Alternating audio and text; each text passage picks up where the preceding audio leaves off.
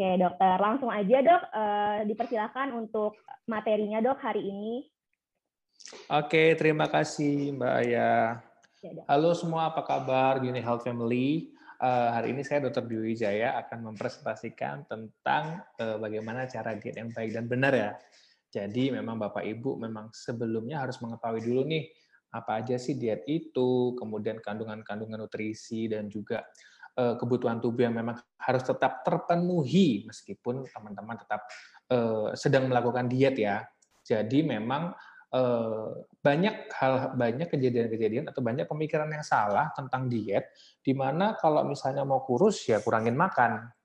Nah, padahal bukan mengurangi makan tetapi mengurangi kalori atau eh, tetap menjaga kebutuhan nutrisi yang dibutuhkan oleh tubuh kita. Karena sebetulnya yang harus kita lawan itu adalah kelebihan kalori yang masuk ke dalam tubuh kita.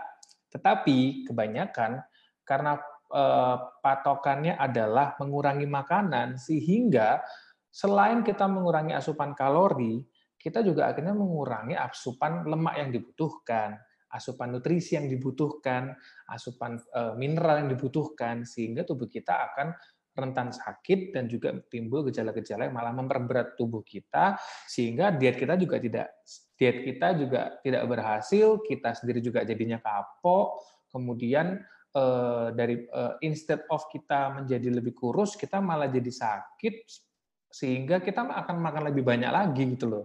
Jadi dalam hari ini saya akan menjelaskan tentang eh, saya sih melarang diet ya diet. Tapi sebenarnya kalau diet dalam bahasa kedokteran adalah asupan makanan ya teman-teman. Jadi eh, tapi dalam dalam hal umumnya itu biasanya diet itu di, diartikan dengan orang yang ingin kurus gitu. Padahal sebetulnya diet itu adalah asupan makanan yang dibutuhkan oleh tubuh.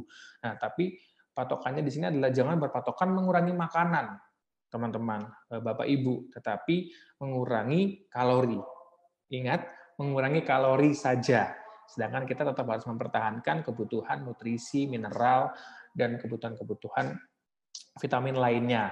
Nah, hari ini saya akan menjelaskan tentang dilarang diet. Kenapa? Next slide.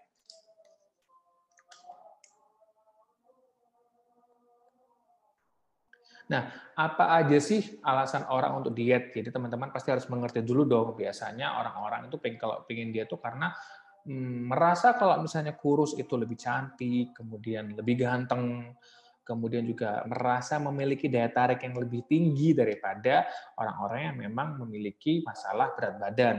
Kemudian pastinya karena merasa cantik dan memiliki daya tarik lebih tinggi, akhirnya orang tersebut lebih percaya diri, dan kemudian lebih bisa hidup lebih baik lagi, bisa menggapai mimpi, kemudian juga bisa menjalin relasi lebih banyak lagi. Dan yang paling penting, kenapa sih orang itu mau diet? Karena yang pasti kita membutuhkan kesehatan di dalam tubuh kita. Karena memang kita, ketika kita memiliki badan yang tinggi atau otomatis seluruh metabolisme kita terganggu dan juga daya tahan tubuh kita juga terganggu sehingga kita juga lebih tidak produktif lagi ya teman-teman. Sehingga memang lebih penting untuk menjaga eh, menjaga tubuh kita agar tetap sehat. Jadi intinya sebenarnya kalau dari saran saya kita menjaga eh, asupan tubuh asupan makanan atau kita diet itu untuk menjaga kesehatan ya teman-teman. Bukan karena cantik ataupun daya tarik. Karena cantik dan daya tarik itu berasal dari diri kita sendiri. Juga ada banyak kok orang yang juga Eh, badannya badannya eh, besar tetapi eh, tetap cantik dan tetap percaya diri gitu tetap tetap dikembalikan lagi ke teman-teman. Dan bahkan jangan salah juga loh teman-teman ada yang badannya kurus tapi kolesterolnya tinggi. Ada yang badannya besar tapi kolesterolnya normal. Jadi patokannya bukan cuma masalah kurus atau tinggi tetapi juga memiliki kesehatan tubuh yang baik. Next. Nah, saya menjelaskan dulu ya untuk di Mitch dan Perts dalam studi Scratch and Johnson 1990 bahwa kita itu memiliki body image satisfaction atau kepuasan dalam tubuh kita masing-masing, teman-teman.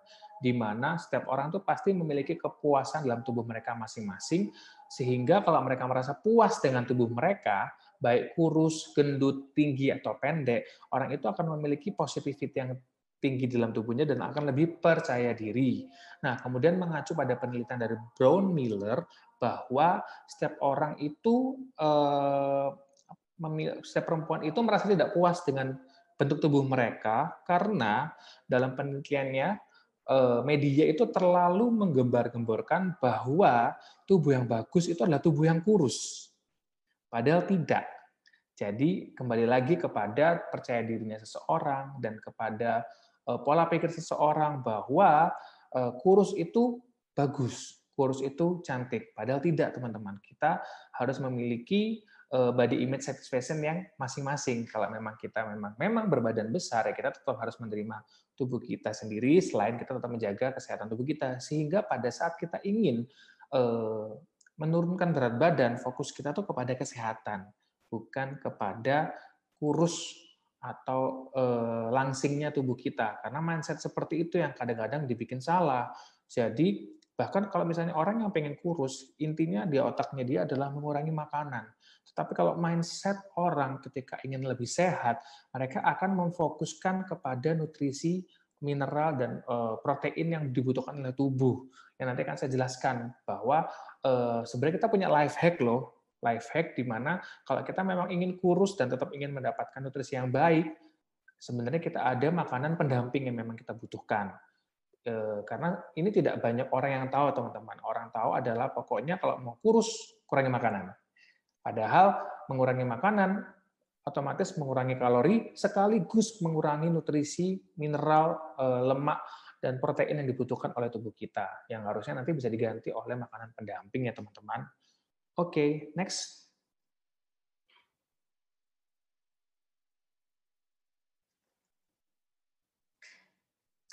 Nah, ini adalah tabel yang bisa eh, Bapak Ibu cari di internet tentang berat badan ideal. Karena untuk menentukan berat badan ideal itu sebenarnya ada banyak banget caranya ya.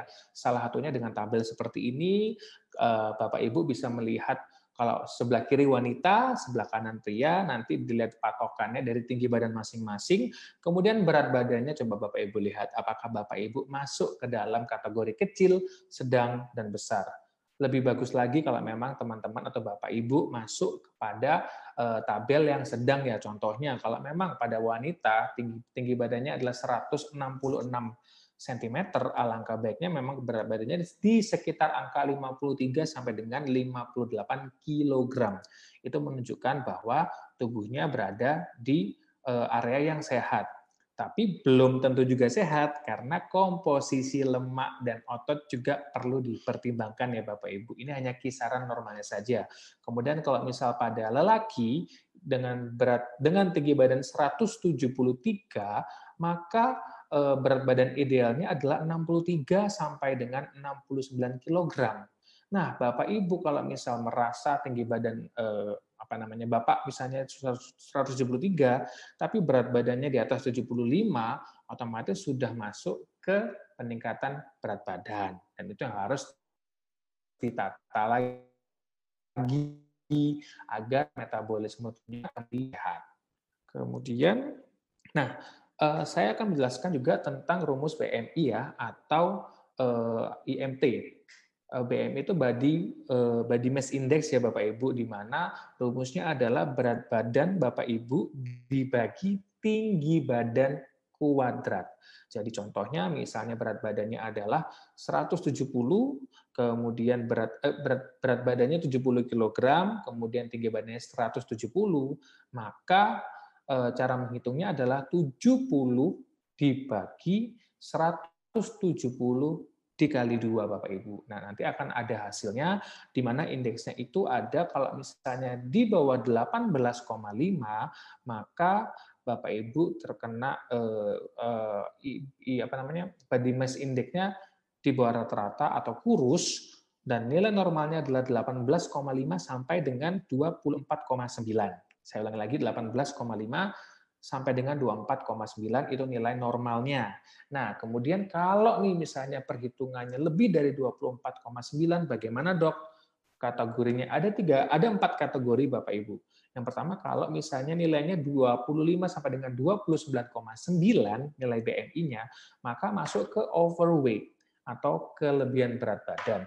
Ini eh, tidak berbahaya, tetapi Bapak Ibu sudah harus mulai warning bahwa oh saya sudah mulai kelebihan berat badan nih, otomatis eh, metabolisme tubuh saya, organ-organ saya akan bekerja lebih berat daripada biasanya. Sehingga mindsetnya kalau ingin memiliki berat ingin memiliki badan yang sehat, otomatis Bapak Ibu harus mengembalikan lagi berat badannya kembali ke ideal. Nah, tetapi kalau misalnya berat badannya terlalu berat sehingga body mass index-nya itu lebih dari 30 sampai dengan 34,9, maka itu akan masuk ke obesitas 1. Setelah itu kalau nilainya di atas 35 sampai dengan 39,9 masuk ke obesitas obesitas tipe 2.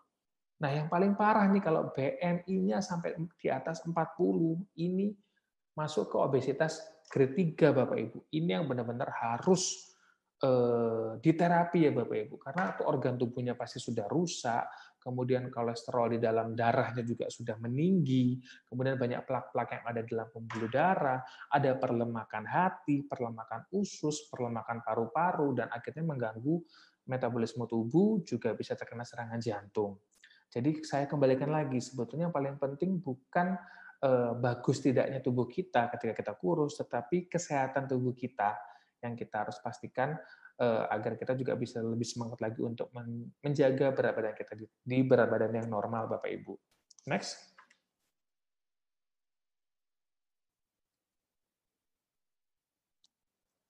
Nah, ini saya akan memberitahukan tentang Bapak Ibu tuh harus mengetahui loh kebutuhan kalori harian Bapak Ibu. Karena mindsetnya adalah ketika orang mau diet, kurangi kalorinya. Karena nanti kalori yang berlebihan akan dipecah menjadi gula Bapak Ibu. Dan akan gulanya akan dipecah lagi menjadi lemak. Karena terlalu terlalu banyak eh, energi yang masuk ke dalam tubuh kita, akhirnya tubuh kita menyimpannya menjadi cadangan energi, yaitu adalah lemak. Sehingga kita harus mengetahui nih berapa sih hitungan kebutuhan kalori kita. Karena masing-masing kebutuhan kalori setiap orang, setiap jenis kelamin itu berbeda, Bapak Ibu ya. Yang paling gampangnya adalah kalau misalnya laki-laki rata-rata kebutuhan kalorinya adalah 2000 sampai dengan 3000 kilokalori Bapak Ibu. Jadi harus benar-benar bisa menghitung nih. Kemudian kalau wanita itu rata-rata kebutuhan kalorinya adalah 1600 sampai dengan 2400. Nah, itu kan rata-rata Bapak Ibu Bagaimana sih dok cara menghitungnya? Nah kalau Bapak Ibu lihat ada tabel di kanan bawah, itu adalah cara menghitung jumlah kalori yang dibutuhkan oleh tubuh. Atau misalnya kalau Bapak Ibu tahu BMR atau basal metabolisme rate, di mana basal metabolisme rate itu adalah kebutuhan kalori yang dibutuhkan oleh tubuh kita agar fungsi dari seluruh organ kita tetap berjalan dengan baik meskipun kita dalam kondisi istirahat. Jadi, BMR ini yang harus kita hitung Bapak Ibu. BMR ini adalah basal metabolisme rate, yaitu adalah kebutuhan kalori yang dibutuhkan tubuh kita jika eh, fungsi tubuh kita ingin berjalan dengan normal. BMR ini akan meningkat kebutuhan kalori akan meningkat bila aktivitas kita meningkat. Seperti Bapak Ibu kerja di ruangan, beragam itu akan meningkat Bapak Ibu BMR-nya. Nah, kemudian kalau BMR-nya rendah, otomatis eh, apa namanya tubuh kita harus eh, diajak bekerja lagi lebih berat ya Bapak Ibu, biar eh, kita memiliki BMR yang tinggi karena sebetulnya BMR semakin tinggi juga semakin bagus Bapak Ibu karena Eh, kalau misalnya BMR kita semakin rendah, kebutuhan kalori kita itu makin rendah Bapak Ibu, sehingga makan dikit jadi lemak, makan dikit jadi lemak. Jadi BMR-nya harus ditingkatkan. Sekarang ada kok alat-alat yang canggih yang bisa menghitung BMR di tubuh kita hanya dengan berdiri di apa namanya? berdiri di timbangan kemudian nanti akan timbul tuh eh, nilai-nilai dari persentase lemak, persentase otot, BMR kita. Nah, kita harus melihat tuh karena setiap orang BMR-nya beda-beda. Tetapi menurut rumus Harris Benedict eh, itu ada di sebelah kanan bawah ya, teman-teman. Eh, jadi saya akan menghitungkan aja nih kira-kira kalau misalnya ya saya berat badannya 88 kg, kemudian tinggi badan saya 174 kg, maka saya akan masukkan ke rumusnya. Jadi 88,4 ditambah 13,4 dikali berat badan saya tadi 88 kg. ya. Kemudian ditambah 4,8 dikali tinggi badan saya 174 cm, kemudian dikurangi 5,68 dikali usia saya 31 eh, tahun. Nah, nanti akan timbul eh, angka 1931. Nah, ternyata BMR saya menurut rumus-rumus Haris Benedictus adalah 1931. Ini menjadi patokannya, di mana kebutuhan kalori saya adalah 1931 Bapak Ibu. Kita bulatkan menjadi 1900. Kalau memang saya ingin menurunkan berat badan saya, otomatis saya harus membuat defisit kalori di bawah 1931. Jadi saya harus menghitung asupan makanan saya mengandung berapa kalori dikurangi dengan aktivitas saya sehingga apakah hasilnya di atas 1931. Jadi contoh kalau anggap saya gampangin aja 2000 ya Bapak Ibu biar nggak bingung ya. Kalau memang BMR saya adalah 3 2000, saya harus mengkonsumsi makanan atau kalori di bawah 2000 sehingga hari ini saya punya eh, tabungan minus 200 kilokalori Bapak Ibu. Jadi kalau memang saya hitungan makan pagi saya, makan siang saya, makan malam saya 1800, berarti saya ada defisit kalori sebanyak 200 kilokalori. Nah, 200 kilokalori itulah yang dibutuhkan saya, tubuh saya agar saya itu bisa eh, tubuh saya bisa memecah cadangan lemak saya untuk menjadi energi. Karena ketika saya menjadi eh, ketika saya dalam kondisi normal saya membutuhkan energi sebanyak 2000 kalori, tapi asupan total makanan harian saya 1800. Nah, 200-nya lari ke mana nih yang dibutuhkan tubuh?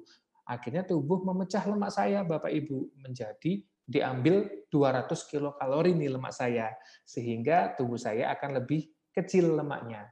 Nah, lebih bagus lagi ketika dikombinasikan dengan olahraga Bapak Ibu.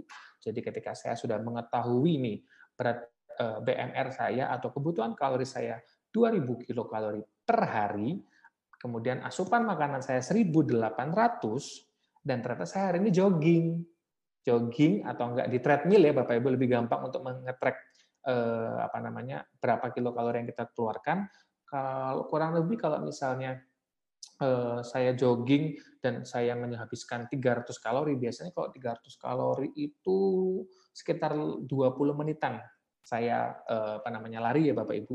20 menitan saya lari, saya membuang 300 kalori otomatis sudah kebutuhan saya 2000, makan saya 1800, dikurangi lagi dengan keringat dengan olahraga 300 otomatis saya memasukkan kalori ke dalam tubuh saya sekitar 1500 kilokalori di hari ini sehingga saya berhasil eh, membuat tubuh saya mencari 500 kilokalori yang dibutuhkan ke lemak saya. Jadi perhitungan seperti itu Bapak Ibu ya. Bukan nutrisinya yang dihilangkan, bukan lemak lemak sehatnya yang dihilangkan, bukan vitaminnya yang dihilangkan. Kembali lagi hanya kalorinya saja yang dihilangkan. Makanya saya eh, tekankan sekali lagi, bukan tidak makan. Karena kalau tidak makan, Bapak Ibu nggak dapat kalori, nggak dapat vitamin, nggak dapat mineral, nggak dapat eh, kandungan-kandungan yang dibutuhkan oleh tubuh kita sehingga kita akan mudah sakit dan kita akan kapok. Bu, mindset eh, pengurangan kalori yang dibutuhkan oleh tubuh kita. Next. Nah, ini kan makan satu kali sehari atau hanya minum air putih saja salah besar ya saya harap Bapak Ibu sudah mengerti ya bahwa hanya makan satu kali sehari itu adalah salah yang sangat besar karena tubuh kita tetap perlu makan tiga kali dalam sehari Bapak Ibu. Hanya kandungannya yang kita pikirkan, jumlah kalori ini yang kita pikirkan. Hanya minum air putih saja, ya jelas lebih salah lagi. Otomatis nggak ada asupan gizi yang masuk ke dalam tubuh kita. Ingat Bapak Ibu, kalau kita mau kurus hanya perlu defisit kalori, bukan defisit kandungan mineral lainnya ataupun vitamin lainnya. Jadi ketika memang Bapak Ibu ingin mengurangi makan, satu kali sehari boleh nggak sih dok? Ya jelas boleh, tapi harus tanggung jawab. Tanggung jawabnya di mana? Ayo minum suplemen ataupun produk makanan pendamping yang mengandung nutrisi-nutrisi tadi yang hilang ketika Bapak Ibu mengurangi makanan menjadi satu kali sehari. Nah, nanti kan Bapak Ibu harus tahu nih bahwa kebutuhan protein sehari itu berapa. Nah, biasanya kalau kebutuhan protein dalam sehari itu kalikan aja 0,8 gram dikalikan berat badan Bapak Ibu sekalian. Kalau pada laki-laki biasanya rata-rata kebutuhan proteinnya adalah 46 sampai dengan 50. Sorry, kalau pada wanita kebutuhan kalorinya adalah 46 sampai dengan 50 gram sehari. Kalau untuk laki-laki 60 gram sehari. Nah, fungsi dari protein buat apa? Nanti akan saya jelaskan. Next.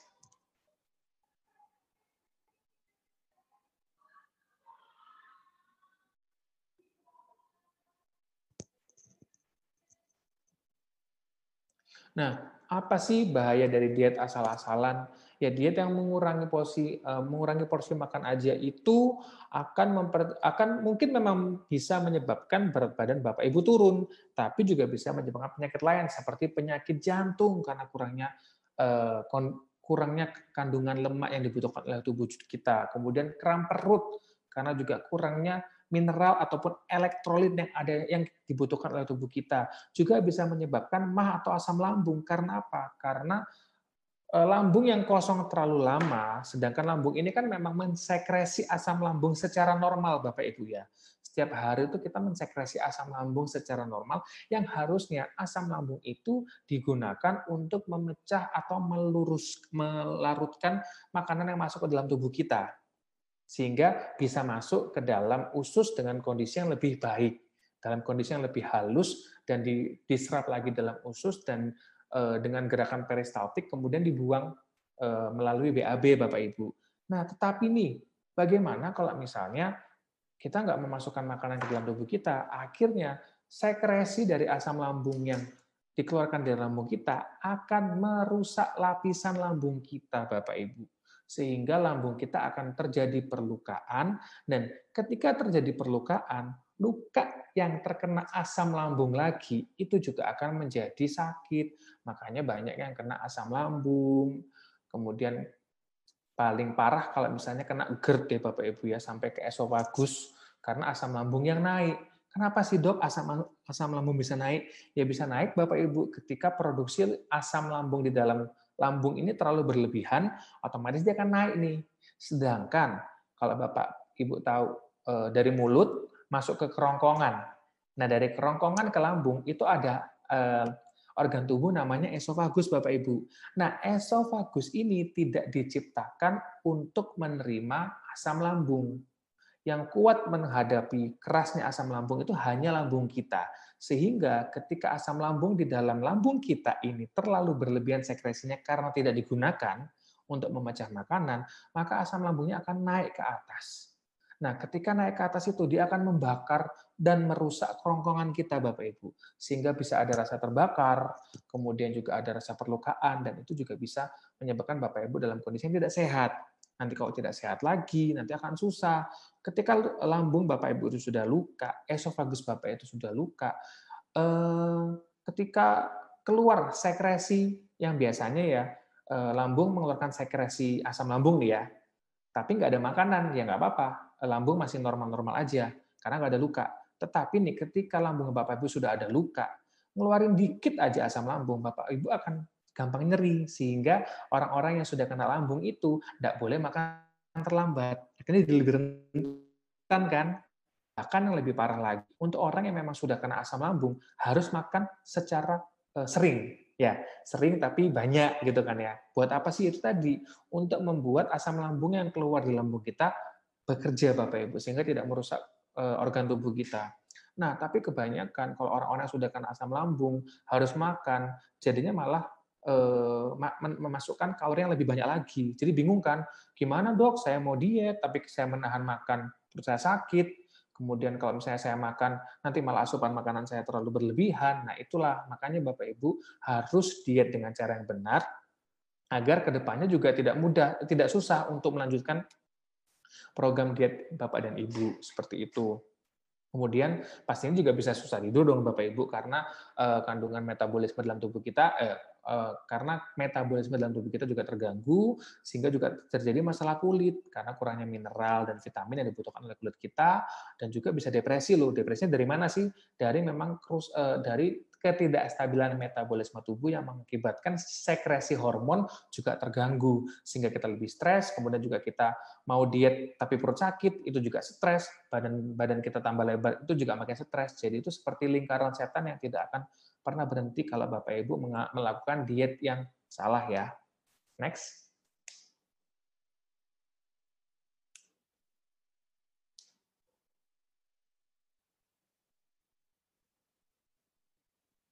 Nah, apa sih diet sehat itu? Ini adalah diet yang sehat ya Bapak Ibu. Ada biji-bijian, sayur-sayuran, protein yang ada di kandungan ini semua Bapak Ibu. Yang harus dikurangi adalah kalorinya ya Bapak Ibu. Yang kebanyakan juga kita harus menurunkan eh, apa namanya intake dari karbohidrat kita. Kebanyakan orang Indonesia karbohidratnya kalorinya banyak didapatkan dari nasi. Kita tetap membutuhkan nasi ya Bapak Ibu, tetapi Eh, kita harus benar-benar menghitung kebutuhan kalori kita. Yang tadi saya nanti saya harap Bapak Ibu tadi sudah memfoto ya cara menghitung rumus kebutuhan kalori Bapak Ibu sehingga bisa menghitung nih karena nanti ada kok searching aja di Google kalau misalnya eh, beras berapa gram itu sama dengan berapa kalori pisang berapa gram sama dengan berapa kalori bahkan ada aplikasinya kok Bapak Ibu jadi apa namanya Bapak Ibu juga harus bisa menghitung kebutuhan dari dari aplikasi nah jadi tubuh tujuannya itu mengatur fungsi tubuh ya Bapak Ibu, membangun serta memelihara sel tubuh. Itu pasti dibutuhkan protein, mineral, lemak, dan vitamin yang ada di gambar ini kira-kira. Jadi yang tidak boleh Bapak Ibu kurangi adalah foto-foto atau bahan-bahan makanan yang ada di gambar ini, yang tidak boleh dikurangin. Yang kadang-kadang karena yang seringnya bukan kadang-kadang, karena mengurangi mengurangi jumlah makan sehingga produk-produk yang ada di gambar ini juga ikut dikurangin Akhirnya Bapak Ibu tidak mengkonsumsi ayam yang cukup, tidak mengkonsumsi telur yang cukup, tidak mengkonsumsi ikan yang cukup, biji-bijian, sayur-sayuran, kentang, buah-buahan yang cukup, sehingga akhirnya semua nutrisinya drop. Akhirnya tubuh malah malnutrisi, malah timbul masalah-masalah lain, malah timbul penyakit-penyakit yang lain. Next.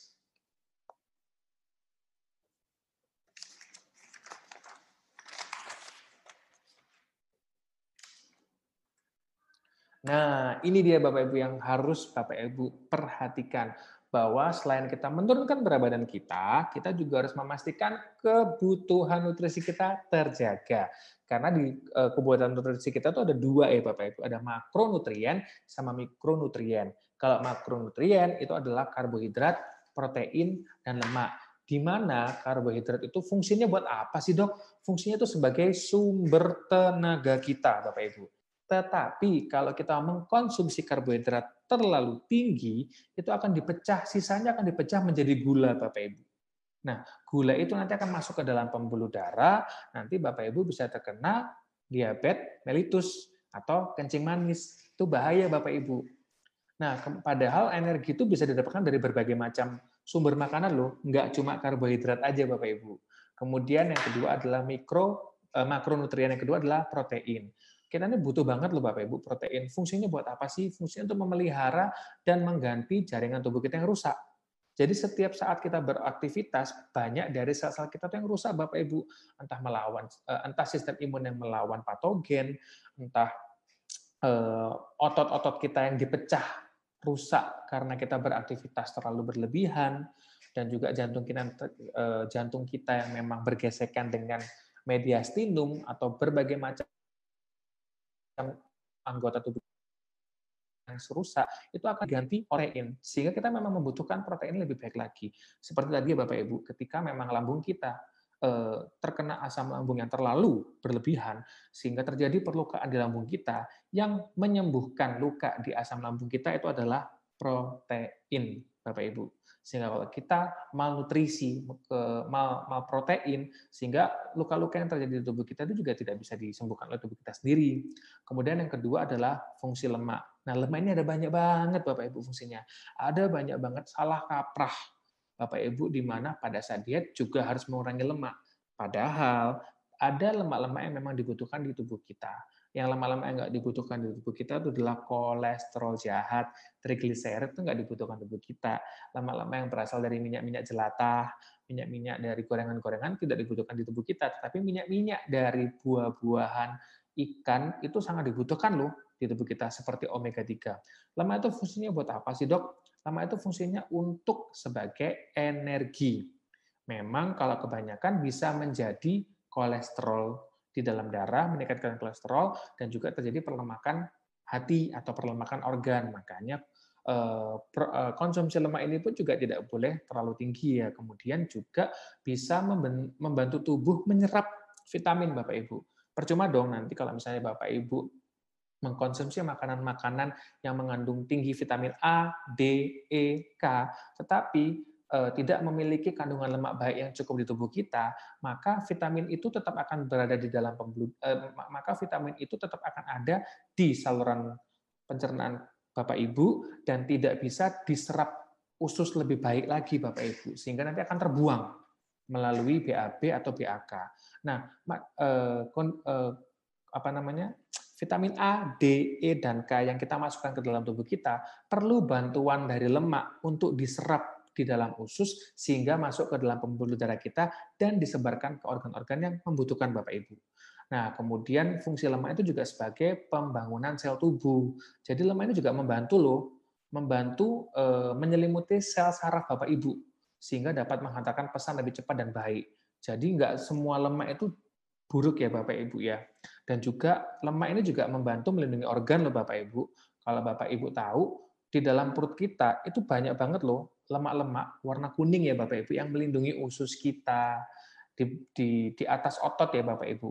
Yang kalau kebanyakan bisa menggelambir ya malah nggak bagus. Tetapi bahkan di dalam di dalam eh, peritoneum kita atau di, di dalam apa ya selaput perut kita itu banyak juga lemak kok Bapak Ibu yang melindungi eh, apa namanya usus, kemudian hati, ginjal kita, tapi memang harus dalam dalam jumlah yang baik dan cukup dan tidak boleh berlebihan ya. Kemudian lemak ini juga dibutuhkan dalam tubuh kita untuk meningkatkan rasa lezat pada makanan. Tetapi sekali lagi jangan berlebihan ya Bapak Ibu. Kemudian mikronutrien adalah vitamin, mineral, dan nutrisinya. Pasti Bapak Ibu udah tahu lah ya, fungsi vitamin A, D, E, K itu apa aja, itu memang dibutuhkan sama tubuh kita. Intinya, kalau untuk vitamin-vitamin, jangan sampai karena Bapak Ibu diet, sekali lagi ya, jangan sampai karena Bapak Ibu diet, Bapak Ibu mengorbankan makanan-makanan eh, yang mengandung vitamin, mineral, nutrisi, karbohidrat, protein, dan lemak. Hanya karena kalau misalnya nggak makan, saya pasti kurus. Ya, tapi akhirnya tubuh kalian juga akan kekurangan nutrisi yang dibutuhkan. Next. Nah, saya ini akan menjelaskan tentang bagaimana sih mendapatkan berat badan yang ideal. Next lagi. Nah, yang pertama pasti mencatat makanan dan minuman yang diasup. Kok ribet ya dok? Ya namanya kita mau ikhtiar untuk eh, diet yang sehat ya Bapak Ibu. Kita kan tadi sudah Bapak Ibu kan sudah tahu nih patokannya adalah kalorinya yang dikurangi Bapak Ibu. Jangan nutrisinya dikurangi sehingga Bapak Ibu harus menghitung dong misalnya makanan ini kalorinya berapa, nutrisinya berapa, atau semacamnya, itu Bapak Ibu harus menghitung. Yang paling penting itu sebenarnya menghitung eh, masuknya kalori ke dalam tubuh kita sih Bapak Ibu. Kalau misalnya menghitung nilai eh, lemak, protein itu memang agak ribet, tetapi pastikan eh, Bapak Ibu bertanggung jawab untuk eh, misalnya ya tadi saya kan kebutuhan BMR saya ini adalah 2000 kilokalori per hari. Ya pelan-pelan lah, yang penting saya eh, menghitung sekitar 1.800 lah yang masuk ke dalam tubuh saya. Jadi setiap hari saya ngitung 1.800, 1.800, 1.800, sehingga kan setiap hari minus 200, minus 200, minus 200. Lama-lama kan, kadang kan ah, kadang ada yang salah kaprah nih. Mentang-mentang nih selama lima hari sebelumnya saya udah minus 200 ya. Jadi kan tubuh saya sudah minus 1000 nih kadang-kadang ya. Ah, aku mau cheating day. Akhirnya minum soda, minum hamburger, eh makan hamburger, terus makan eh, apa namanya junk food, yang kalau di total itu 3000. Akhirnya eh, usaha kita mengurangi kalori selama lima hari sebelumnya itu akhirnya terbuang sia-sia Bapak Ibu karena Bapak Ibu memasukkan kalori yang sangat berlebihan ke dalam tubuh kita. Ingat Bapak Ibu junk food, kemudian eh, cola itu hanya memiliki kalori yang tinggi tanpa memiliki nutrisi yang baik, tanpa memiliki nutrisi yang cukup. Jadi kalau misalnya mau cheating day pun juga harus pilih-pilih Bapak Ibu, pilih-pilih makanan-makanan yang memang sehat ya Bapak Ibu. Next. Nah, yang pastinya tadi kan saya bilang kan, selain mengurangi asupan kalori, Bapak Ibu juga harus membantu tubuh kita membakar kalori dengan cara berolahraga. Lagi pula juga bisa meningkatkan metabolisme di dalam tubuh kita sehingga pembakaran lemak di dalam tubuh kita akan semakin cepat Bapak Ibu. Dan yang paling pasti, kalau misalnya kita semakin banyak berolahraga, kalau bagi laki-laki misalnya angkat beban, kalau perempuan mungkin cuma sekedar squat ataupun plank ataupun lari ataupun bersepeda akan membentuk eh, akan membentuk otot ya Bapak Ibu. Nah, otot ini bagaimana sih bisa terbentuk? Otot itu makanannya adalah lemak Bapak Ibu. Jadi kalau Bapak Ibu mau mengurangi berat badan Bapak Ibu, Bapak Ibu harus meningkatkan jumlah otot Bapak Ibu. Kenapa? Akan lebih mudah karena otot itu akan terbentuk jika otot itu memakan lemak. Gampangannya seperti itu ya Bapak Ibu ya. Jadi jangan berfokus hanya menghilangkan lemak, tapi berfokus bagaimana cara Bapak Ibu meningkatkan eh, berat massa otot di dalam tubuh kita Bapak Ibu. Jadi Bapak Ibu bisa searching kok, gampang banget perbandingan antara eh, satu kilogram lemak dengan satu kilogram otot. Itu kasarannya bisa otot tuh hanya sebesar kepala tangan saya atau kilo, tapi lemak itu bisa sampai sebesar ini loh Bapak Ibu. Sampai lima kepala tangan atau lebih. Bayangkan satu kilo lemak itu ada di perut Bapak Ibu. Kan pasti kayak akan berat banget. Padahal kalau cuma satu kilogram itu cuma sekedar otot, hanya sekecil ini Bapak Ibu. Jadi pastikan jangan skip olahraga Bapak Ibu ya. Even itu cuma lari aja nggak apa-apa. Itu akan membantu pembakaran tubuh kita, kemudian juga akan membantu kesehatan jantung kita. Next. Nah, yang ketiga ini adalah tidak melewatkan waktu makan.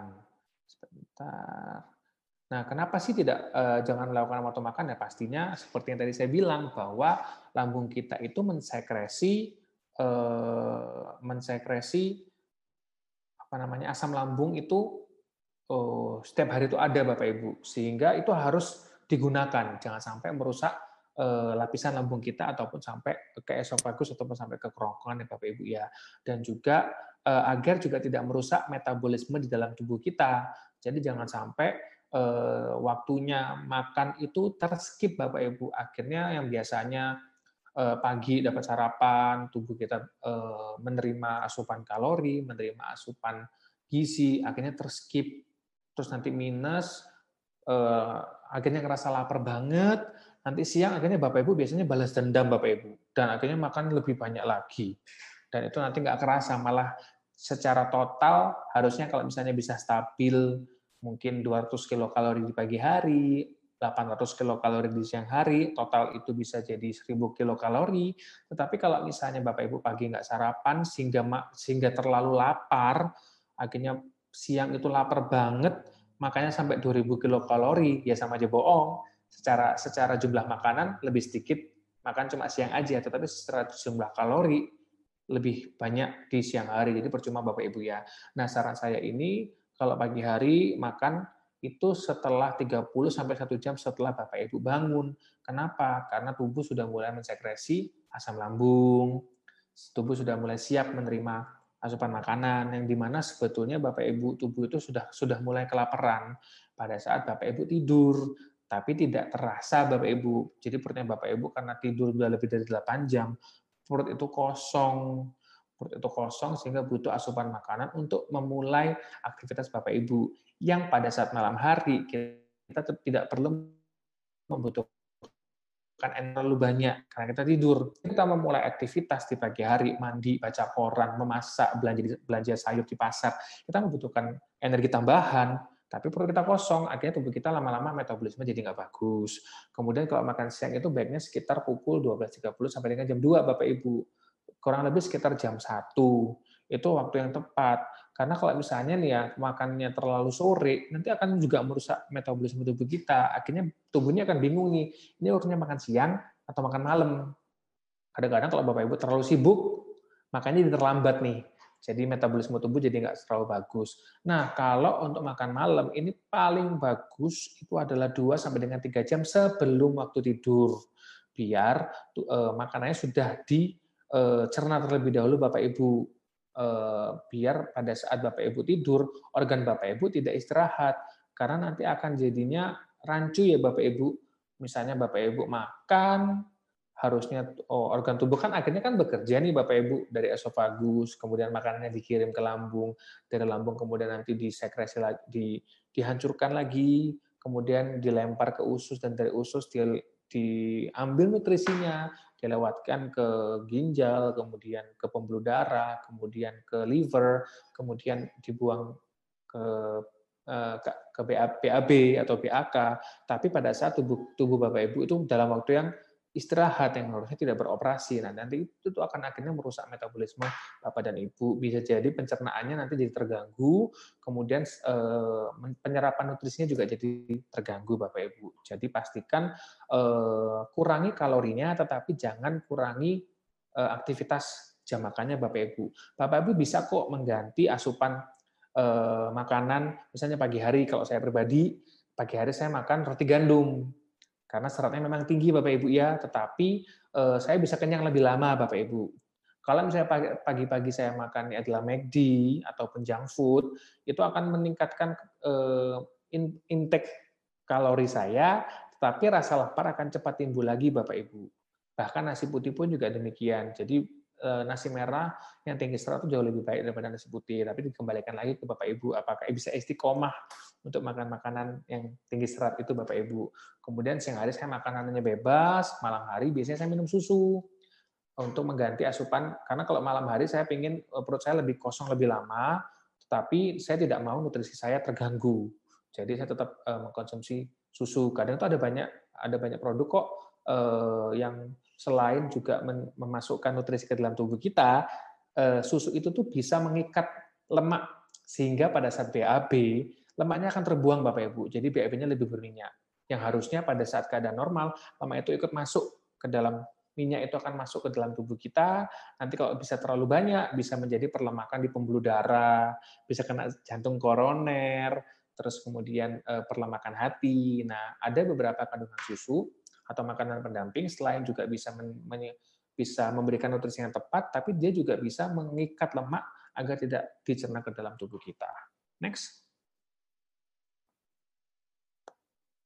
Nah, ini yang paling penting Bapak Ibu, meminum air mineral yang cukup. Sebenarnya bukan 8 gelas air per hari ya Bapak Ibu, ada hitung-hitungannya. Enggak, tapi mungkin kalau di iklan-iklan gampangannya jangan lupa ya Bapak Ibu 8, 8 gelas per hari. Padahal ada hitung-hitungannya. Hitung-hitungannya adalah 10 kg pertama itu dikalikan 1 liter air kebutuhan tubuh kita. Kemudian 10 kg kedua dikalikan 500 ml air. Nah, sisanya itu dikalikan 20 ml air Bapak Ibu. Nah, tadi saya sudah menghitung eh, kebutuhan eh, air saya kalau misalnya berat misal nih berat badan saya 88 kg, otomatis 10 kg pertama saya hitung 1 liter, 10 kg kedua saya hitung 500 ml, kemudian sisa 68 kg saya saya kalikan 20 20 ml sehingga kebutuhan kalori eh, kebutuhan eh, air minum saya adalah 1 1000 ml ditambah 500 ml ditambah 1360 ml sehingga kebutuhan saya dalam kebutuhan air minum adalah 2860 ml atau 2,8 liter Bapak Ibu. Semakin kecil orang, maka semakin eh, rendah kebutuhan airnya.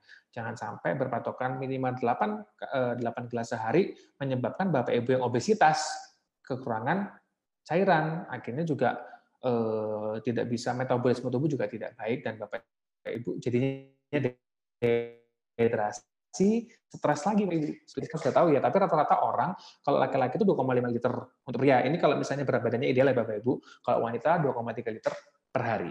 Next.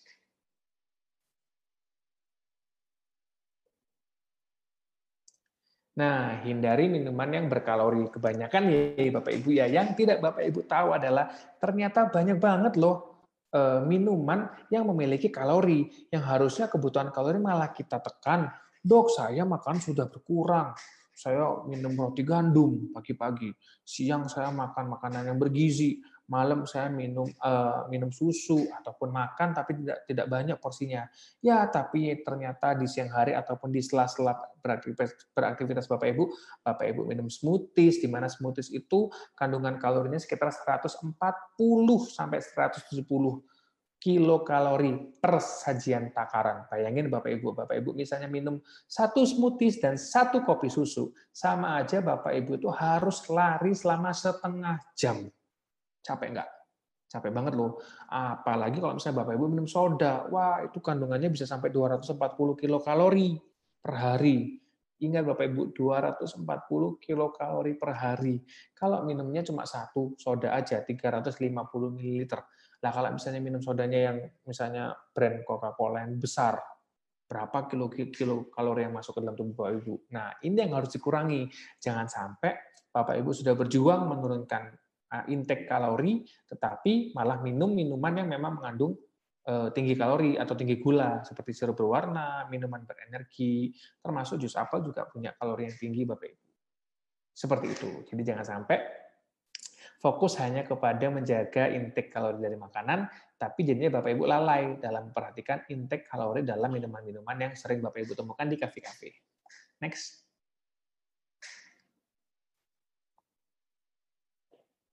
Nah, pastinya bantu tubuh dalam e, mencerna makanan dengan memperbanyak e, asupan serat Bapak Ibu, seperti ada di roti, pasta gandum, oat, sayur, buah-buahan, kacang-kacangan, hingga biji-bijian. Yang sejujurnya, makanan-makanan seperti ini adalah bukan makanan favorit kita ya Bapak Ibu, karena rasanya tidak seenak kalau kita makan daging, ikan, atau minyak-minyakan yang lain.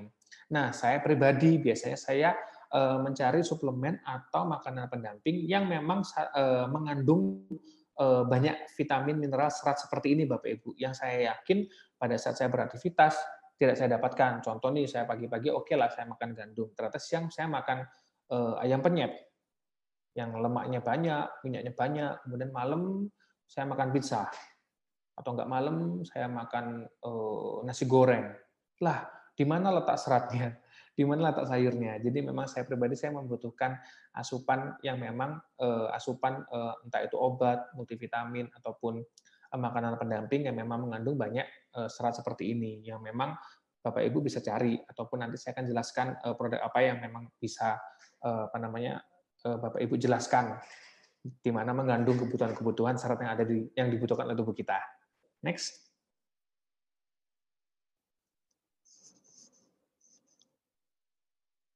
Nah, ini saya akan jelaskan singkat aja Bapak Ibu, di mana diet itu ada macam-macam, yaitu ada diet Mediterania. Jadi kalau diet Mediterania ini biasanya cuma makan sayur, buah, kacang, biji, hanya makan-makan itu saja Bapak Ibu. Eh, akhirnya nutrisinya tercukupi, tapi rasa nikmat yang dibutuhkan oleh tubuh kita akhirnya eh, jadi nggak tersalurkan ya Bapak Ibu ya.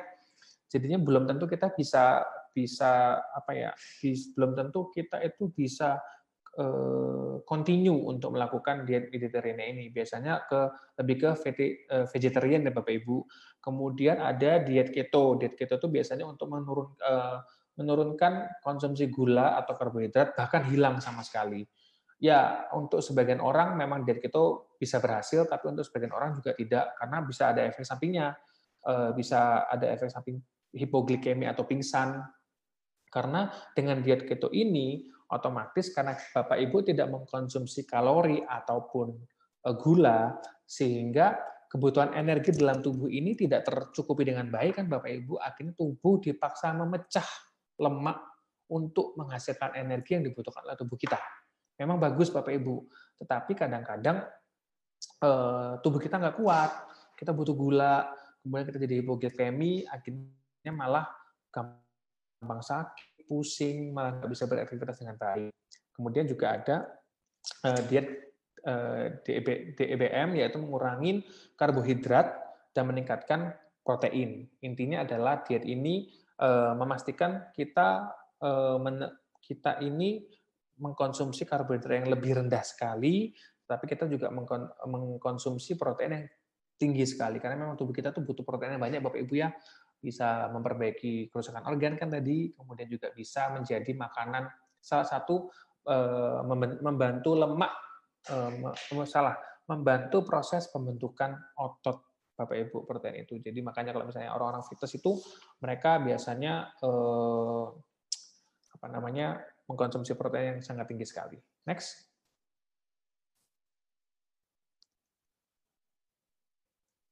Nah, ada yang diet General Motors. Ini sih jarang bisa dilakukan ya, karena memang harus ketat sekali. Di sini selama tujuh hari, eh, memang mereka harus makan makanan yang yang pertama tidak boleh pisang, kemudian tidak boleh eh, memakan kentang, harus makan semua semua sayur, eh, apa namanya? Eh salah, sorry salah. Di hari pertama harus memakan seluruh buah, banyak buah-buahan kecuali pisang aja. Kemudian hari kedua harus makan sayur-sayuran, semua sayuran kecuali kentang aja. Kemudian hari ketiga harus makan semua buah dan sayuran kecuali kentang dan eh, apa namanya eh, pisang dan selanjutnya dan selanjutnya. Jadi ini sangat ketat sekali dan belum tentu kita bisa melakukannya dengan baik ya Bapak Ibu karena kan kita memang kalau bisa diet yang santai, diet yang enak, kenapa harus diet yang terlalu ketat? Karena menurut pengalaman saya dan beberapa pasien saya, kalau memang pasien itu eh, dikasih PR terlalu banyak untuk diet, itu malah nggak istiqomah Bapak Ibu. Paling cuma satu, dua, tiga hari atau minggu, udah habis itu kembali lagi. Kan sebaiknya kita kita mengajarkan eh, pola diet yang sehat Nah, seperti tadi itu kurangi makanan, eh, kurangi intake kalori, tapi untuk kebutuhan-kebutuhan nutrisi kita kasih eh, bantuan makanan pendamping sehingga eh, kalori kalori yang masuk ke dalam tubuh kita rendah, tetapi nutrisinya tetap terjaga. Kemudian juga ada diet paleo. Ini adalah menghindari makanan olahan atau makanan instan yang memang kalau makanan instan itu memang memiliki kalori yang lebih tinggi. Jadi eh, tidak hanya memakan makanan-makanan yang eh, alami Bapak Ibu. Pastinya rada nggak enak Bapak Ibu ya. Kemudian diet mayo. Diet mayo ini adalah eh, hanya makan sayur-sayuran aja, mengatur pola makan. Diet ini, diet mayo ini juga harus membuat Bapak Ibu itu beraktivitas dengan optimal Bapak Ibu. Jadi selain hanya memakan makanan sayur-sayuran aja atau oatmeal Eh, Bapak Ibu juga harus berolahraga. Jadi tidak boleh tuh manis-manisan juga tidak boleh, lemak juga nggak boleh. Jadi eh, banyak sekali kok orang-orang yang memang diet mayo, tapi banyak juga orang yang gagal diet mayo Bapak Ibu. Karena itu tadi diet yang terlalu banyak aturannya malah malah orang nggak nggak istiqomah, malah tidak dilanjutkan karena kan yang paling penting ini kita ini stabil ya Bapak Ibu ya, nggak cuma selama tiga hari ke depan atau satu minggu ke depan kita eh, mengurangi asupan makan kita atau diet, tetapi bagaimana cara kita memiliki pola hidup sehat. Kembali lagi seperti saya bilang tadi ya, bukan fokus kepada dietnya, bukan fokus kepada kurusnya, tetapi fokus kepada meningkatkan kesehatan tubuh kita. Niscaya eh, body ideal kita lama-lama akan terbentuk dengan sendirinya. Next.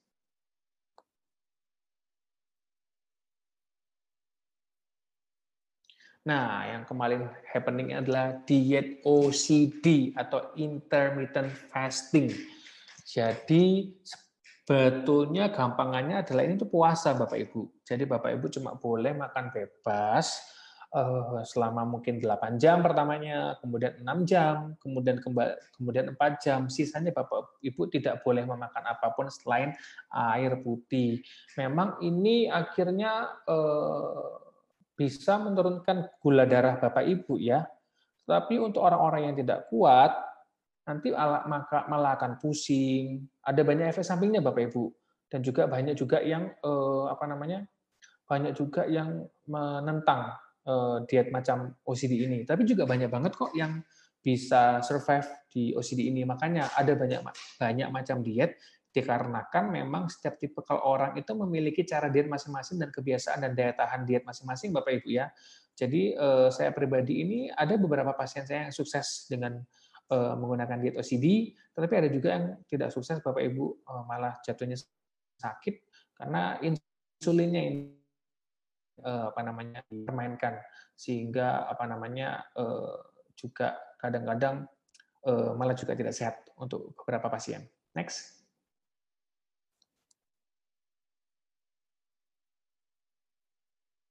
Nah, setelah ini saya akan menjelaskan apa aja sih manfaat dari diet sehat, Bapak Ibu.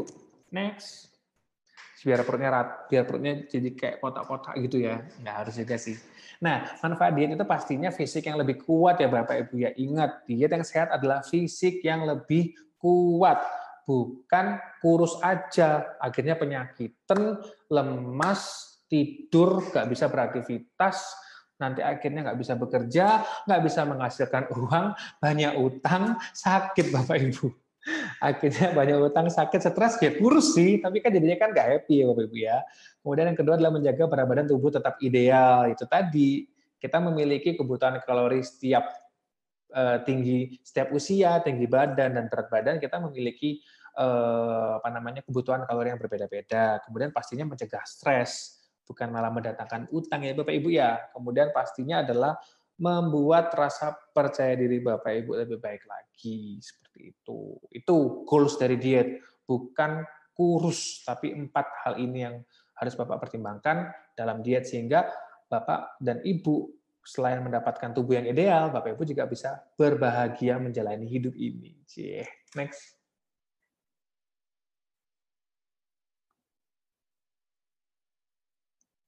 Nah, manfaat dia juga mengurangi risiko penyakit seperti penyakit jantung. Ya, penyakit jantung ini biasanya karena kolesterol jahat yang terlalu berlebihan seperti trigliserid Bapak Ibu sehingga menyebabkan perlemakan pembuluh darah. Jadi kalau misalnya Bapak Ibu pernah lihat anggap aja pembuluh darah itu kayak selang. Kalau misalnya terlalu banyak mengkonsumsi lemak, selangnya ini nanti akan ada kayak gaji-gaji gitu loh Bapak Ibu. Gaji-gaji warna putih yang nempel di seluruh lapisan pembuluh darah yang lama-kelamaan akan mempersempit pembuluh darah Bapak Ibu sehingga darahnya itu juga tidak bisa lewat dan kalau misalnya tertutup, kalau misalnya terjadi di pembuluh darah kecil di jantung, bisa kena serangan jantung. Bisa bahaya kan ya? Kalau ke, akhirnya kena eh, miokarditis ataupun penyakit-penyakit jantung. Kalau misalnya penyumbatannya itu ada di otak, bisa kena stroke. Stroke ada dua, stroke hemorrhage atau stroke perdarahan, dan juga stroke infarct atau eh, penyumbatan eh, pembuluh darah di otak. Nah, yang bisa disebabkan oleh karena diet yang tidak sehat, itu adalah stroke. Stroke eh, penyumbatan stroke itu di penyumbatan lemak-lemak di pembuluh darah otak Bapak Ibu. Kemudian Bapak Ibu juga bisa terhindar dari diabetes. Diabetes itu apa sih? Yaitu tadi karena Bapak Ibu terlalu banyak mengkonsumsi gula dan karbohidrat yang yang dipecah menjadi gula pada pada saat Bapak Ibu muda. Sehingga insulinnya terlalu disekresikan berlebihan Bapak Ibu. Sehingga insulin yang terlalu disekresikan berlebihan menyebabkan pankreas yang menghasilkan insulin ini lama-lama akan capek bekerja. Namanya organ disuruh bekerja dengan keras terus-menerus, akhirnya kan capek. Lama-lama bisa pada saat Bapak Ibu mengkonsumsi gula ke depannya, dia udah nggak bisa lagi menghasilkan insulin. Sehingga gula yang masuk ke dalam tubuh kita tersebar di pembuluh darah. Satu. Kemudian juga bisa disebabkan oleh sensitivitas dari insulin yang berkurang. Karena dari dulu pakai insulin, insulin, insulin terus untuk untuk apa namanya eh, memasukkan gula ke dalam tubuh kita, akhirnya reseptor insulinnya jadi lebih amplas sehingga tidak bisa mengikat insulin lagi, walaupun eh, tidak bisa mengikat gula lagi, walaupun produksi insulinnya normal, akhirnya Eh, gula tidak bisa diikat masuk ke pembuluh darah. Akhirnya banyak banget penyakit-penyakit bau, penyakit-penyakit eh, metabolik atau penyakit komplikasi yang bisa terjadi dalam tubuh kita, Bapak Ibu. Kemudian yang ketiga, keempat itu pastinya kan, kanker. Juga kanker ini juga karena tubuh ini apa ya biasanya kalau memang kita makan makanan yang mengandung karsinogenik atau fast food itu kan pasti atau instan itu banyak banget loh eh, apa namanya eh, karsinogeniknya atau zat-zat yang memang mengandung perangsang pembentukan sel kanker bisa juga terjadi osteoporosis karena nutrisi vitamin eh, tidak tidak apa namanya tidak tersuplai dengan baik dan juga nyeri punggung. Jadi banyak banget banyak banget eh, penyakit-penyakit yang bisa ditimbulkan karena eh, apa namanya tidak diet sehat bapak ibu. Next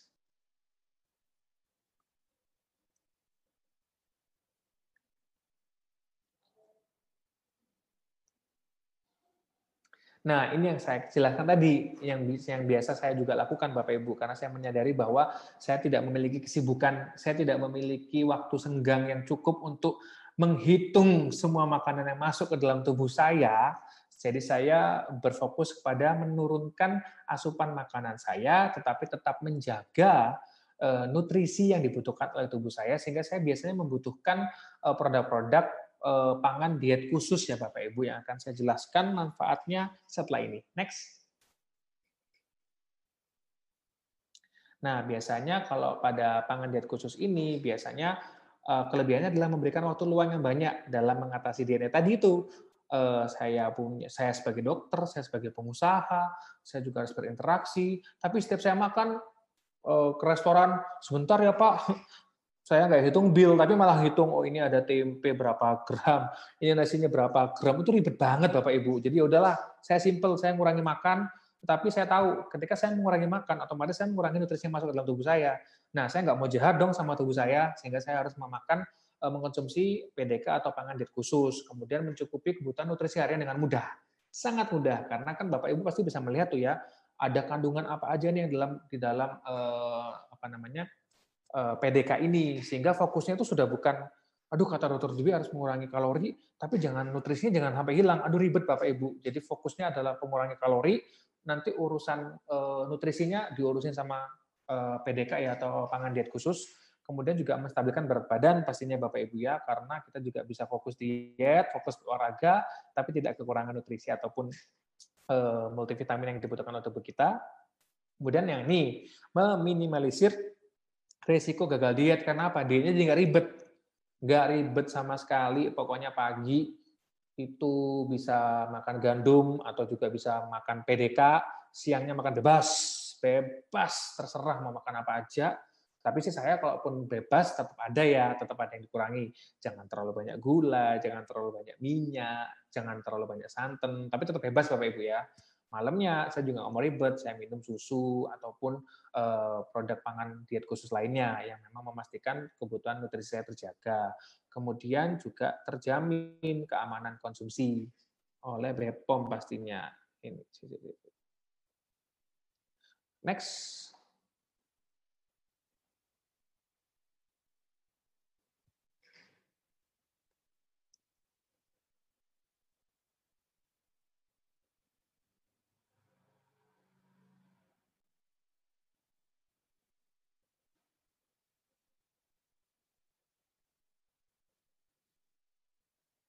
Mbak Aya?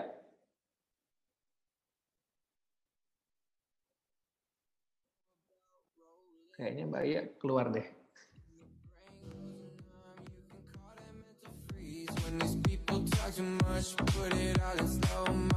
Halo dokter.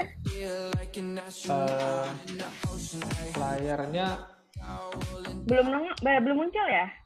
Belum. Oh, sinyal saya yang terputus ya. Iya iya tadi Mbak Aya sempat hilang.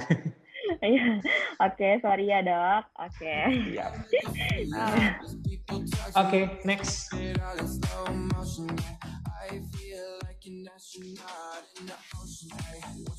Nah, ini adalah kebutuhan-kebutuhan yang memang dibutuhkan oleh tubuh kita yang memang tergantung di yang memang dibutuhkan sama tubuh kita ya protein tuh kan tadi 56 gram untuk laki-laki, 46 gram untuk perempuan.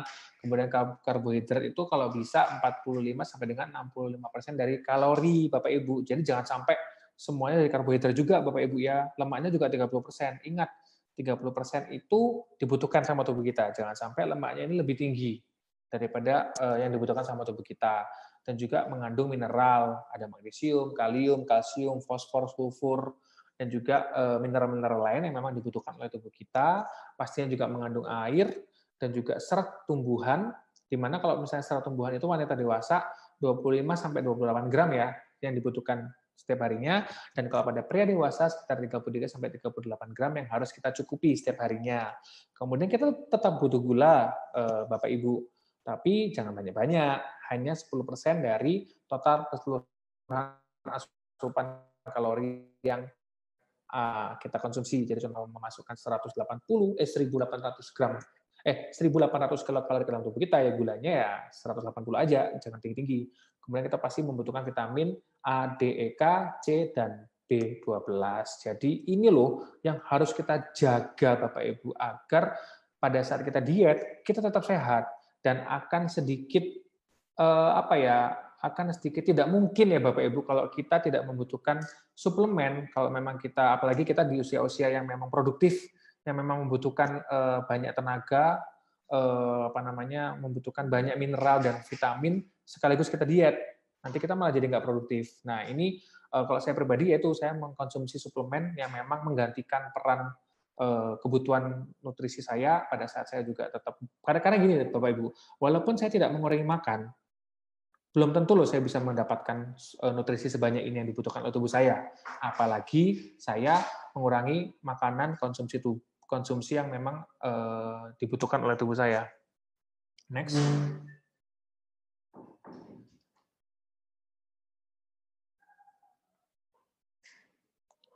Nah, saya akan menjelaskan nih apa saja sih kandungan dari bahan PDK yang ada di uh, Slim Six 90. Boleh saya jelasin ya, Mbak Ayah ya? Oke. Nah, kebetulan memang uh, saya mendapatkan tugas untuk menjelaskan produk dari Uni Health ini, Bapak Ibu, di mana memang di dalam uh, kan tadi saya bilang nih Bapak Ibu, ada banyak nih produk yang memang uh, memiliki uh, apa namanya mensuplai kebutuhan Eh, orang-orang yang mau diet tapi tetap sehat. Walaupun ada banyak kekurangan dan kelebihannya masing-masing Bapak Ibu ya bisa aja produk tersebut juga tidak mengandung nutrisi yang tepat seperti yang dituliskan di produknya atau memang mungkin belum BPOM atau mungkin harganya juga terlalu mahal atau hal-hal yang lain. Tapi eh, yang saya jelaskan dari tadi ini sudah terkandung di Slim Sick 90 dari Uni Health ini Bapak Ibu yaitu mengandung 90% protein whey berdasarkan berat bebas karbohidrat. Nah ini wow, bebas karbohidrat, bebas laktosa atau gula, bebas lemak dan juga bebas kolesterol.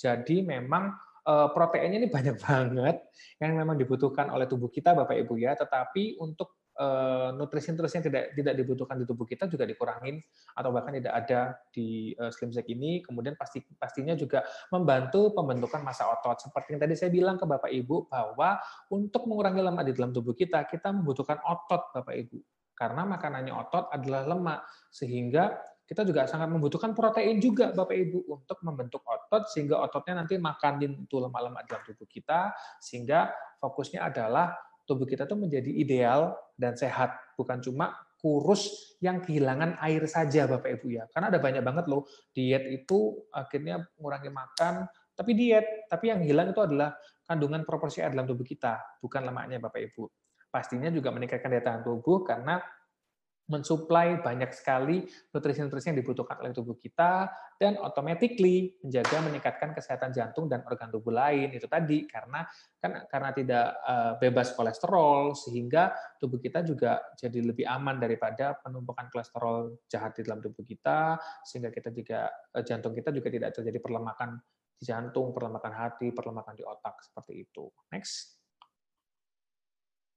Nah, saya akan menjelaskan lebih detail lagi tentang uh, uh, kayaknya kelebihan. Oh ya sudah. Nah, tentang ekstrak psyllium khas ya Bapak Ibu. Nah, di sini kalau tadi itu adalah fungsi dari isolat protein W Bapak Ibu ya. Jadi memang di kandungan slim shake tadi itu ada isolat protein W yang fungsinya tadi saya jelaskan. Nah, sekarang ini di uh, slim shake 90 ini ada ekstrak psyllium khas di mana pastinya memberikan perasaan ah ini yang dibutuhkan Bapak Ibu, memberikan perasaan penuh dan kenyang sehingga dapat mengurangi asupan makanan. Karena e, kalau memang kita e, cuma misalnya kita mengurangi asupan makanan dan kita hanya mendapatkan ganti nutrisi saja, tapi perut kita bisa lapar lagi loh Bapak Ibu. Akhirnya kita jadi nakal, nambah lagi makanan, kemudian beli jajan lagi, akhirnya malah merusak program diet kita. Tetapi kalau memang tubuh kita sudah merasakan kenyang, maka usus atau eh, saluran pencernaan kita tidak memberikan impuls kepada eh, sel otak kita untuk makan lagi Bapak Ibu. Jadi kayak di stop tuh impuls kita untuk uh, nafsu data, da, nafsu makan kita akan dikurangi.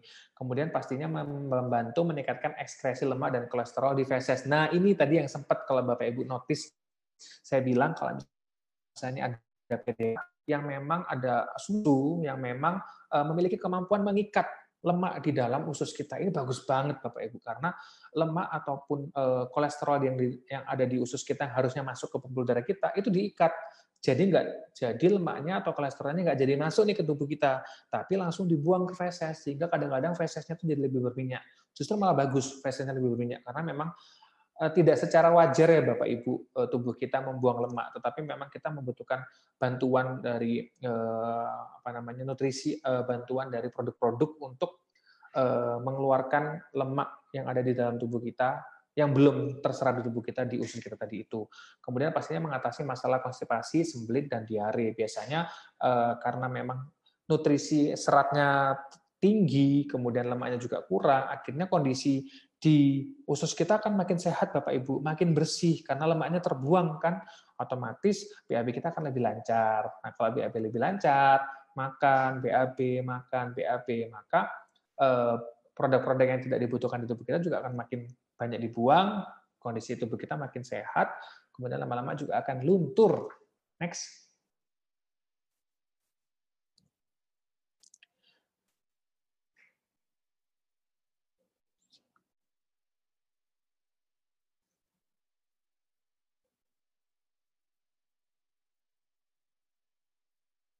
Nah, kandungan yang ketiga yang ada di Slim Shake 90 ini ada uh, extra green tea ya Bapak Ibu yang mengandung zat bioaktif yang pasti dibutuhkan tubuh kita, kemudian memecah lemak dari sel lemak, kemudian meningkatkan pembakaran lemak.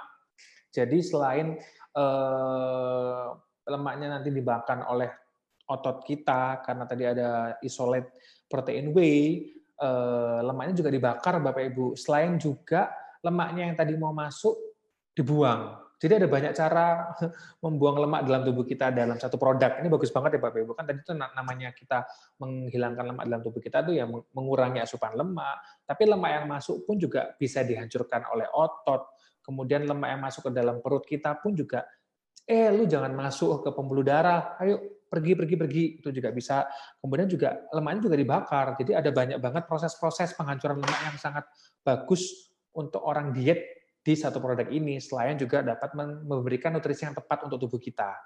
Kemudian juga eh, juga berolahraga dapat meningkatkan metabolisme. Jadi kalau kita berolahraga eh, biasanya memang BMR kita akan meningkat di Bapak Ibu, eh, metabolisme kita juga akan meningkat. Tetapi dengan adanya extra green tea, otomatis semakin meningkatkan metabolisme di dalam tubuh kita, otomatis pembakaran dari lemak tadi itu juga akan makin meningkat, pembakaran energi pun juga akan semakin lebih meningkat, malah akan semakin lebih bagus lagi. Kemudian ini yang paling bagus, membantu menghilangkan lemak visceral. Karena Bapak Ibu, menghilangkan lemak itu gampang. Tapi menghilangkan lemak visceral itu yang paling susah. Yang sudah ngelontok di pembuluh darah, yang sudah terjadi perlemakan di liver, perlemakan di otak, itu yang paling susah obat-obatan secara medis pun juga nggak semuanya bisa ngilangin lemak visceral. Jadi kandungan extra green tea sangat bagus sekali. Nggak cuma karena nih kalau misalnya lemak di perut, misalnya lemak di pipi, lemak di eh, sini itu tuh hilang hanya akan menimbulkan efek bagus di tubuh kita. Tapi kalau lemak visceral yang dihilangkan itu akan meningkatkan kesehatan Bapak Ibu. Jadi eh, ini yang tadi salah satu penyebab menurunkan resiko serangan jantung, kemudian juga eh, stroke ini adalah hilangnya lemak visceral Bapak Ibu. Nah, lemak visceral ini yang saya tekankan berkali-kali bahwa ini sangat susah sekali dihilangkan. Next.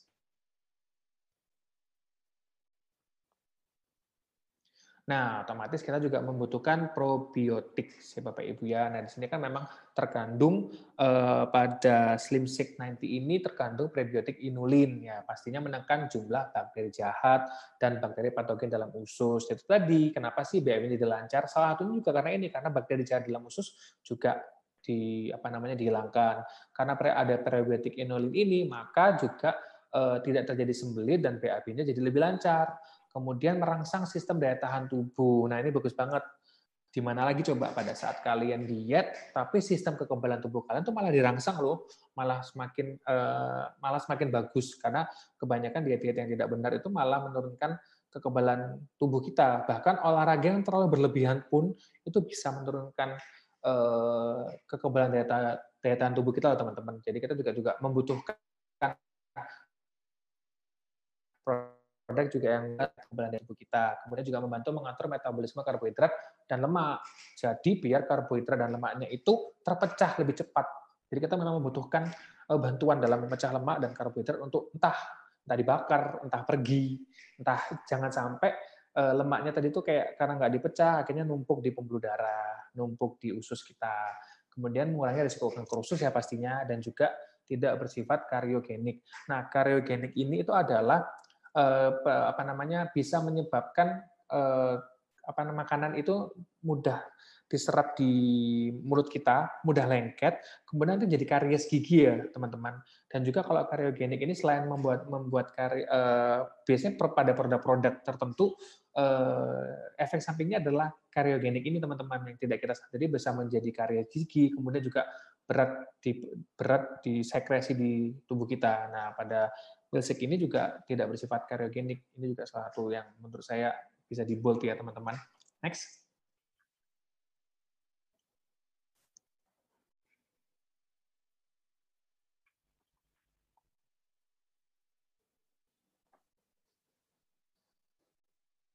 Nah, ya ini adalah vitamin A, B, C, D, E, K. Ini lengkap banget ya. Pastinya kan vitamin-vitamin ini pasti memelihara kesehatan dan meningkatkan sistem imun, mengobati atau mencegah defisiensi vitamin akibat diet yang buruk. Nah, ini akibat diet yang buruk biasanya defisiensi vitamin, tapi ini diganti oleh eh, apa, milkshake 90 ini kemudian mengobati hiperkolesterolemia.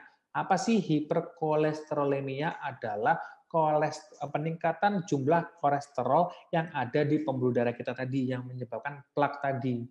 Jadi eh, selain juga menurunkan kolesterol, eh, menurunkan kolesterol, tetapi eh, plak-plak yang ada di pembuluh darah yang terbentuk oleh kolesterol juga bisa dipecah ya teman-teman. Kemudian meningkatkan kesehatan usus besar karena tadi itu ada bakteri baiknya tadi itu dan juga melengkapi diet sehat. Ya, salah satunya ya memang ini adalah produk yang memang harus kita konsumsi pada saat kita uh, diet atau bahkan kalau nggak diet pun juga saya rasa, saya rasa sih butuh karena kita butuh nutrisi yang ada di uh, milkshake nanti ini. Next.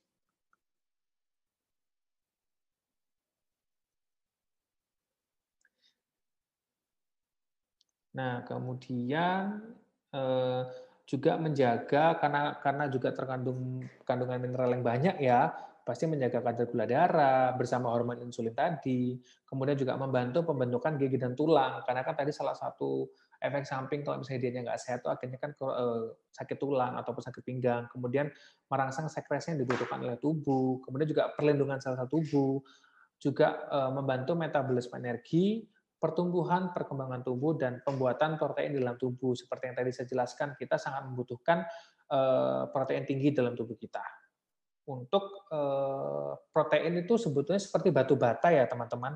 Batu bata yang dibutuhkan tubuh kita. Tubuh kita ini adalah bangunan.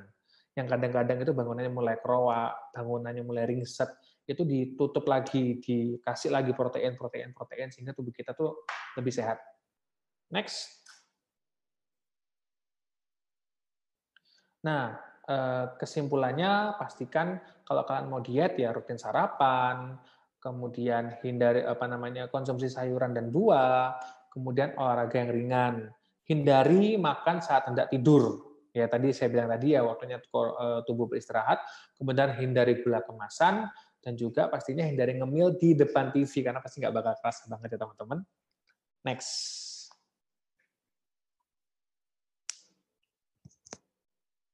Thank you. Ini saya lanjutkan lagi ke next slide. Ya, Mbak Ayah. Eh,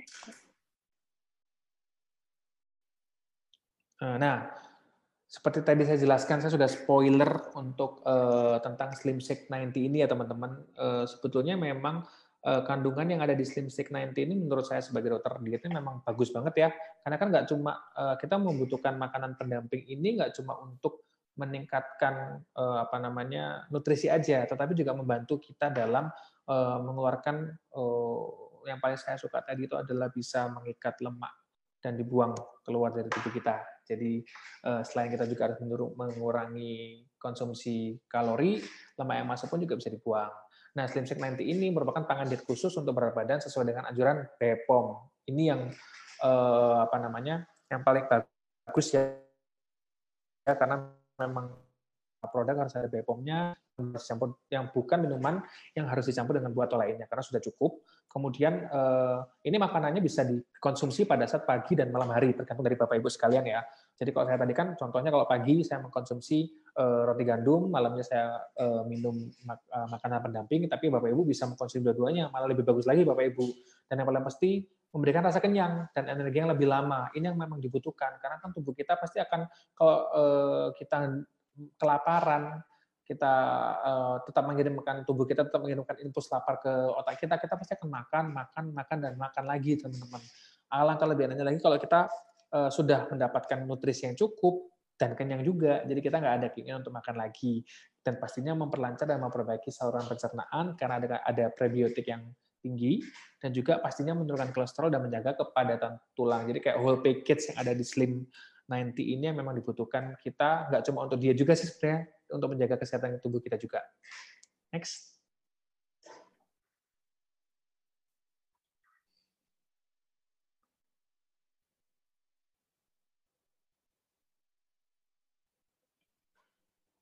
Uh, dok? Ya. Halo. Ini sebenarnya ya. tadi udah dijelasin sih sama dokter. Iya, makanya. Mungkin, Kayaknya uh, udah ya. Ke uh, spoiler di next aja kali ya.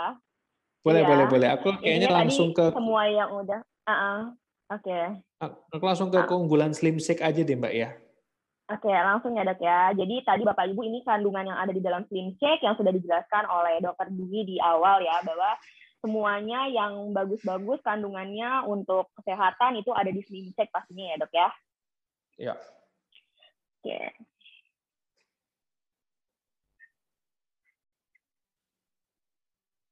Ini ya, saya jelasin ya Mbak ya. Jadi uh, pastinya kan ada pembeda okay. ya antara produk Slim Shake dengan produk lain ya Bapak Ibu. Secara komposisi itu kalau di Slim Shake ini kan pasti tinggi protein, kemudian juga serat, juga tinggi kalsium dan multivitamin serta mengandung ekstrak teh hijau dan bersinergi dengan mengontrol berat badan Bapak Ibu ya. Yang tadi sudah saya jelaskan. Nah, kalau di kompetitor lain itu mungkin uh, belum dapat dipastikan komposisi produknya ya Bapak Ibu uh, dan juga biasanya juga hanya susu biasa yang memang uh, memiliki kandungan susu tanpa adanya kelengkapan dari nutrisi yang memang terkandung di Milkshake 90 ini. Kemudian uh, kadang pun juga belum tentu produk lain itu merupakan pangan diet khusus. Jadi kita memang fokus kepada PDK ya, karena uh, ini kita membahas tentang makanan pendamping diet khusus ya Bapak Ibu, nggak cuma sekedar Eh, minuman yang mengandung nutrisi aja, tapi memang whole package yang memang harus kita kombinasikan pada saat kita diet. Kemudian efektivitasnya ya pasti kalorinya terkontrol, terkontrol Bapak Ibu. Kemudian eh, dan kandungan kalori di produk ini tuh hanya 130 kalori yang seperti tadi saya jelaskan kebutuhan kalori kita rata-rata sekitar 1.600 sampai 2.400 untuk wanita dan laki-laki 2.000 sampai 3.000 ini tuh cuma sekedar 130 kalori. Jadi Bapak Ibu masih sempat untuk uh, melakukan defisit kalori lagi kalau ketika mengkonsumsi makanan yang lain. Kalau yang kompetitor lain juga belum tentu. Kadang-kadang uh, kalorinya pun juga tinggi dalam kandungan susu, namanya juga susu. Kemudian keamanannya sudah aman dan sudah terstandar farmasi. Kalau kompetitor lain juga belum dapat dipastikan. Dan untuk halalnya UniHealth uh, Slim Shake 90 ini sudah BPOM dan sudah berlabel halal. Jadi insya Allah aman untuk dikonsumsi eh, Bapak Ibu dan juga rekan-rekan sekalian. Next. Nah, saya akan menjelaskan tentang dosis dan saran penggunaan.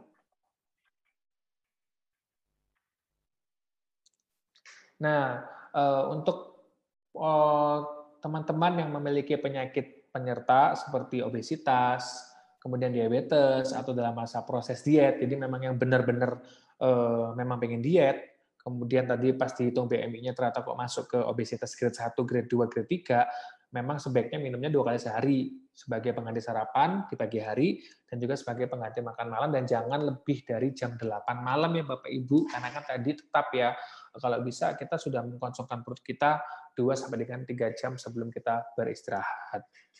Nah, tapi kalau teman Bapak-bapak dan Ibu hmm, Health Family yang memang uh, hanya ingin mengkonsumsi, dok saya ini nggak mau diet, saya cuma pengen dapat nutrisinya seperti yang saya jelaskan tadi bahwa uh, milkshake nanti ini nggak cuma untuk orang diet loh, karena kalau kita makan sehari-hari secara cukup aja uh, uh, belum mendapatkan nutrisi yang terkandung di milkshake, jadi bapak ibu bisa mengkonsumsinya satu kali sehari untuk malam hari. Kira-kira seperti itu. Next.